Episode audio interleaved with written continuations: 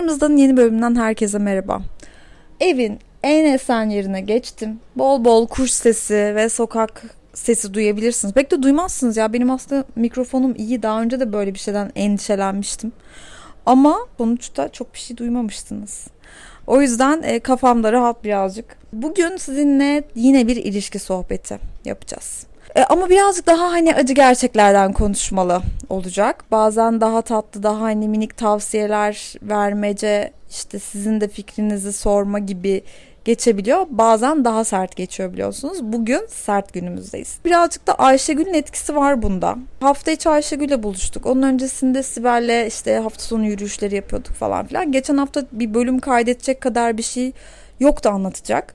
Ama bu haftada geçince üstüne Ayşegül'le de uzun uzun konuşunca bazı acı gerçekleri hatırladım. Şimdi onlardan birazcık bahsedeceğim ve bu bölümün sonunda hem arkadaşlarınıza acı gerçeklerden bahsedecek, onları daha en başında uyaracak kadar cesur hissedeceksiniz.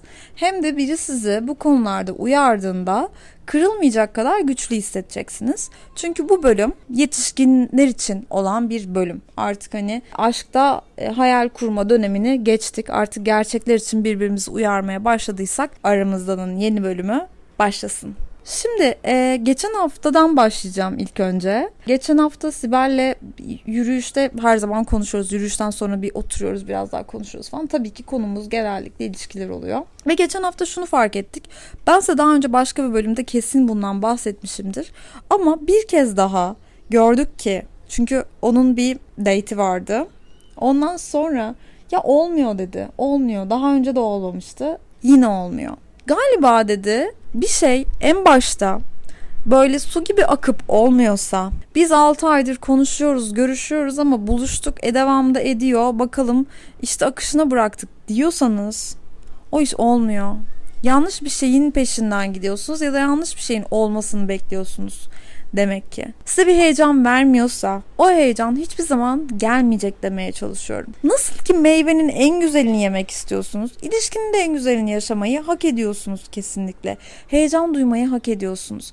Karşınızdakine bakınca böyle ne kadar güzel olduğunu düşünmeyi hak ediyorsunuz. Gerçi bu hafta için geçtiğimiz yıllarda benim bir ilişkim vardı. Ayşegül'ün hiç onaylamadı. Hatta arkadaşlarımın bu konuda ikiye bölündüğü bir ilişkim vardı. Ve bu hafta hani şey konuştuk. Ya ben onun çok güzel olduğunu düşünüyordum diyorum. Mesela şu, şu an baksam yani bırakın aşık olmayı, hoşlanmayı derim ki ya birazcık salmış gibi bir tip falan derim ama o zamanlar nasıldı biliyor musunuz? Yüzüne bakıp hayatımda görüp göreceğim en güzel yüz bu olabilir diyordum. Arkadaşlarım bana garip garip bakıyordu. Emin misin diye bakıyordu böyle. Evet çok eminim görmüyor musunuz şunun güzelliğini diyordum. İşte bu olması gerekiyor anladınız mı? Yani acı da verecekse bu versin. Mutlu da edecekse bu etsin. O kadar içinize sinmesi gerekiyor. Sinmediğinde de ya olursa diye lütfen birbirinizi gazlamayın.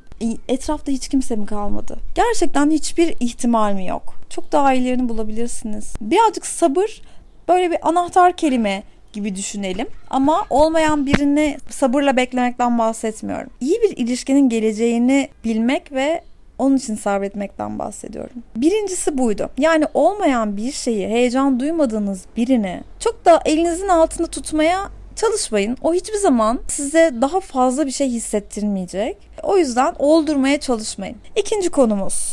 Dün Ayşegül'ün de Instagram'da storylerinde paylaştığım aslında çok önemli bir şey. O biraz da şuradan çıktı.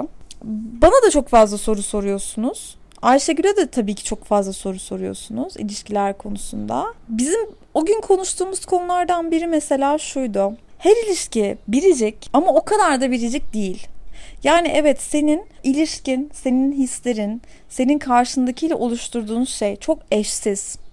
Ama konu ayrılığa, sevgiye, ona buna gelince çok da eşsiz değil. Bazı şeyler çok basit, bazı şeyler çok net. Ayşegül'ün anlattığı mesela şöyle bir şeydi. Ee, ki benim de bununla alakalı bir anım var. Onu da anlatacağım devamında. Şimdi Ayşegül diyor ki mesela soruyorsun bana karşı tam olarak ne hissettiğini nasıl anlarım?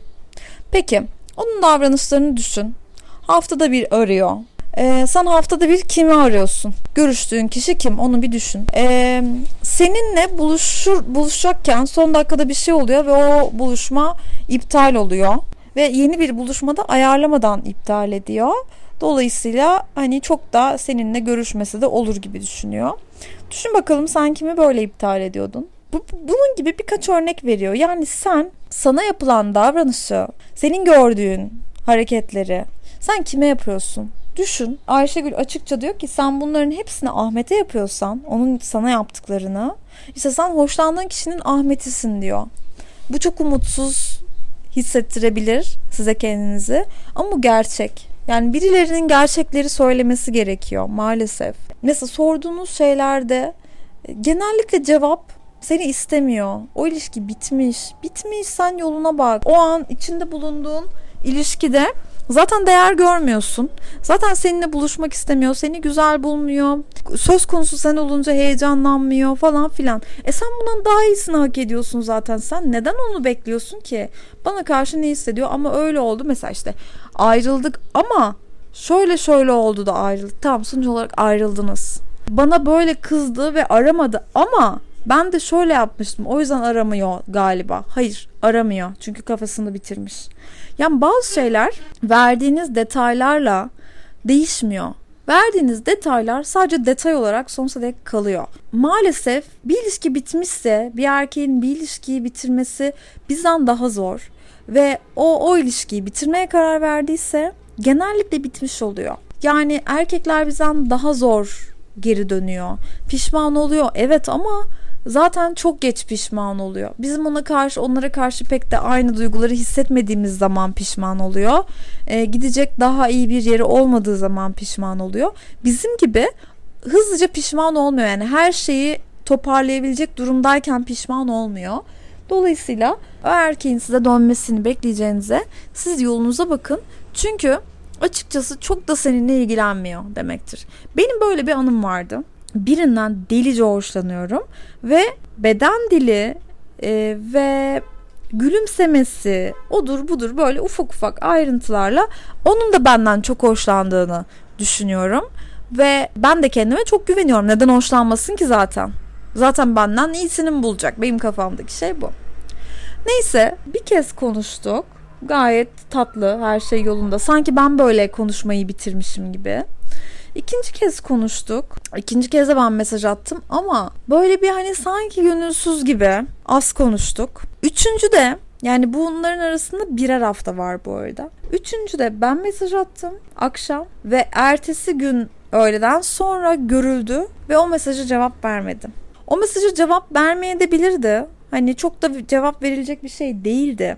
Ama sizinle konuşmak isteyen biri, sizinle konuşmak için her şeyi bahane olarak kullanır. Tıpkı benim ona sürekli yazmak için bir bahane kovalamam gibi. Ben de o zaman Ayşegül'e şey demiştim. Ya böyle böyle oldu. Çünkü o benim tavırlarımı çok sert bulur. Hani hiç sabretmiyorsun falan der. O benden daha yumuşaktır böyle şeylerde.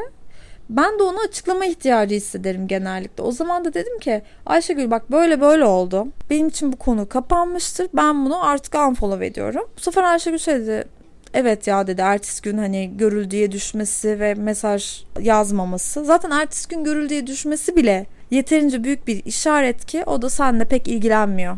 Yani bunu da kabul etmek lazım dedi. Buna tabii ki kırılmadım. Çünkü e, niye kırılayım ki? Bu kadar en başında seninle ilgilenmediğini belli eden biri. Ben de bir sürü insanla ilgilenmiyorum ve bu kırıcı bir şey değil ki. İlgilenmiyorum. Bu kadar basit yazışma, konuşma, flört etme modunda olmamamla da alakası var.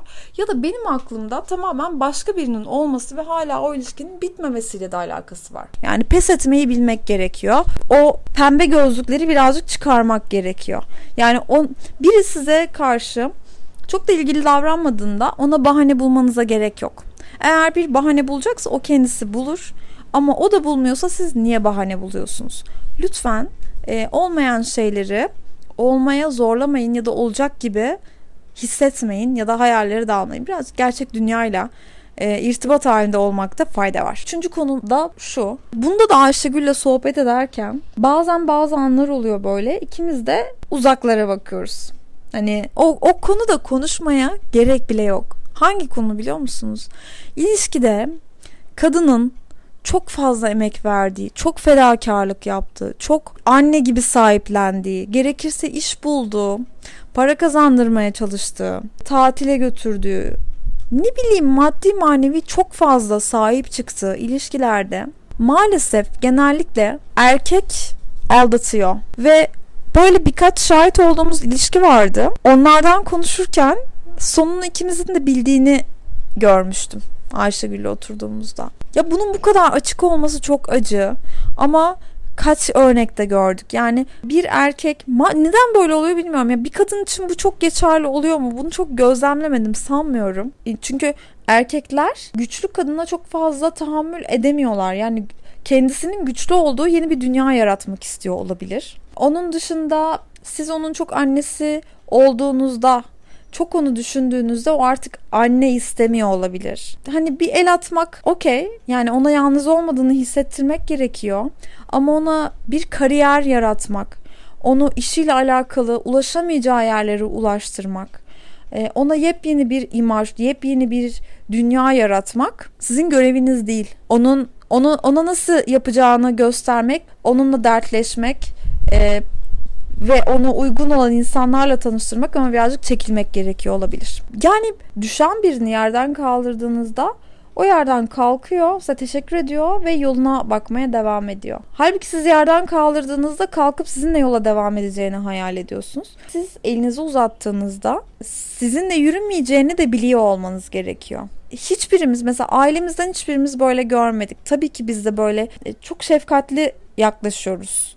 Ne bileyim erkek işte yaralı bir erkek olduğunda, çok da sevilmediğinde, çok da işte kalp kırıklığı yaşadığında sanıyoruz ki onun ilacı biziz. Hayır değiliz. Onun ilacı kendisi. Sadece bizim görevimiz ona çok seviyorsak eğer yakınlarda bir yerde olduğunu göstermek. Ama filmler, diziler, kitaplar, gerçek hayat, her şey ama her şey şunu gösteriyor ki bir erkeğe yepyeni bir hayat verirsen o hayatı seninle paylaşmıyor. Neden bilmiyorum. E, sizin de böyle anılarınız varsa ya da bu konuya katılıyorsanız, katılmıyorsanız son postumun altına buyurun gelin yazın, sohbet edelim.